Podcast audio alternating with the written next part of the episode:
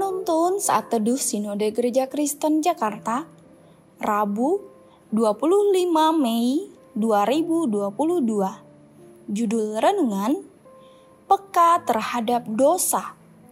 Nats Alkitab terambil di dalam kitab Galatia pasal 5 ayat 16 sampai 18. Hidup menurut daging atau roh. Maksudku ialah Hiduplah oleh roh, maka kamu tidak akan menuruti keinginan daging. Sebab keinginan daging berlawanan dengan keinginan roh, dan keinginan roh berlawanan dengan keinginan daging. Karena keduanya bertentangan, sehingga kamu setiap kali tidak melakukan apa yang kamu kehendaki. Akan tetapi, jikalau kamu memberi dirimu dipimpin oleh roh, maka kamu tidak hidup di bawah hukum Taurat. Dietrich Bonhoeffer adalah seorang teolog Jerman yang hidup di masa Hitler berkuasa. Bonhoeffer merupakan orang yang peka terhadap kelaliman yang dilakukan oleh Hitler ketika Hitler menjadi tokoh utama pembantaian terhadap jutaan orang Yahudi dan semua gereja harus takluk di bawahnya. Bonhoeffer berani mengambil jalan yang berbeda dengan menyuarakan kebenaran. Meskipun resikonya adalah nyawanya sendiri, ia tetap maju melakukan apa yang ia anggap benar.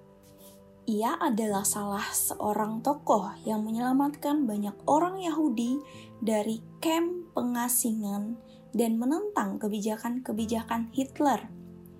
Sekalipun hasil akhirnya ia dihukum mati oleh Hitler setelah gagal melakukan perlawanan. Paulus menjelaskan bahwa ada perbedaan yang signifikan antara orang yang hidup dipimpin oleh roh dan mereka yang menuruti keinginan daging. Kedua hal itu bertentangan, seperti minyak tidak dapat bersatu dengan air. Orang yang dipimpin oleh Roh Kudus akan melahirkan buah roh yang adalah perbuatan-perbuatan kebenaran. Ia akan peka bahwa kejahatan tidak lagi menjadi bagian hidupnya dan melakukan kebenaran adalah tugasnya. Sebab, barang siapa menjadi milik Kristus Yesus, ia telah menyalibkan daging dengan segala hawa nafsu dan keinginannya. Orang yang dipimpin oleh Roh Kudus akan peka untuk membedakan mana kebenaran dan mana kejahatan. Ia menjadi risih, resah, bahkan gelisah ketika melihat kebenaran dipermainkan, keadilan diputar-balikan, dan kejahatan dibiarkan.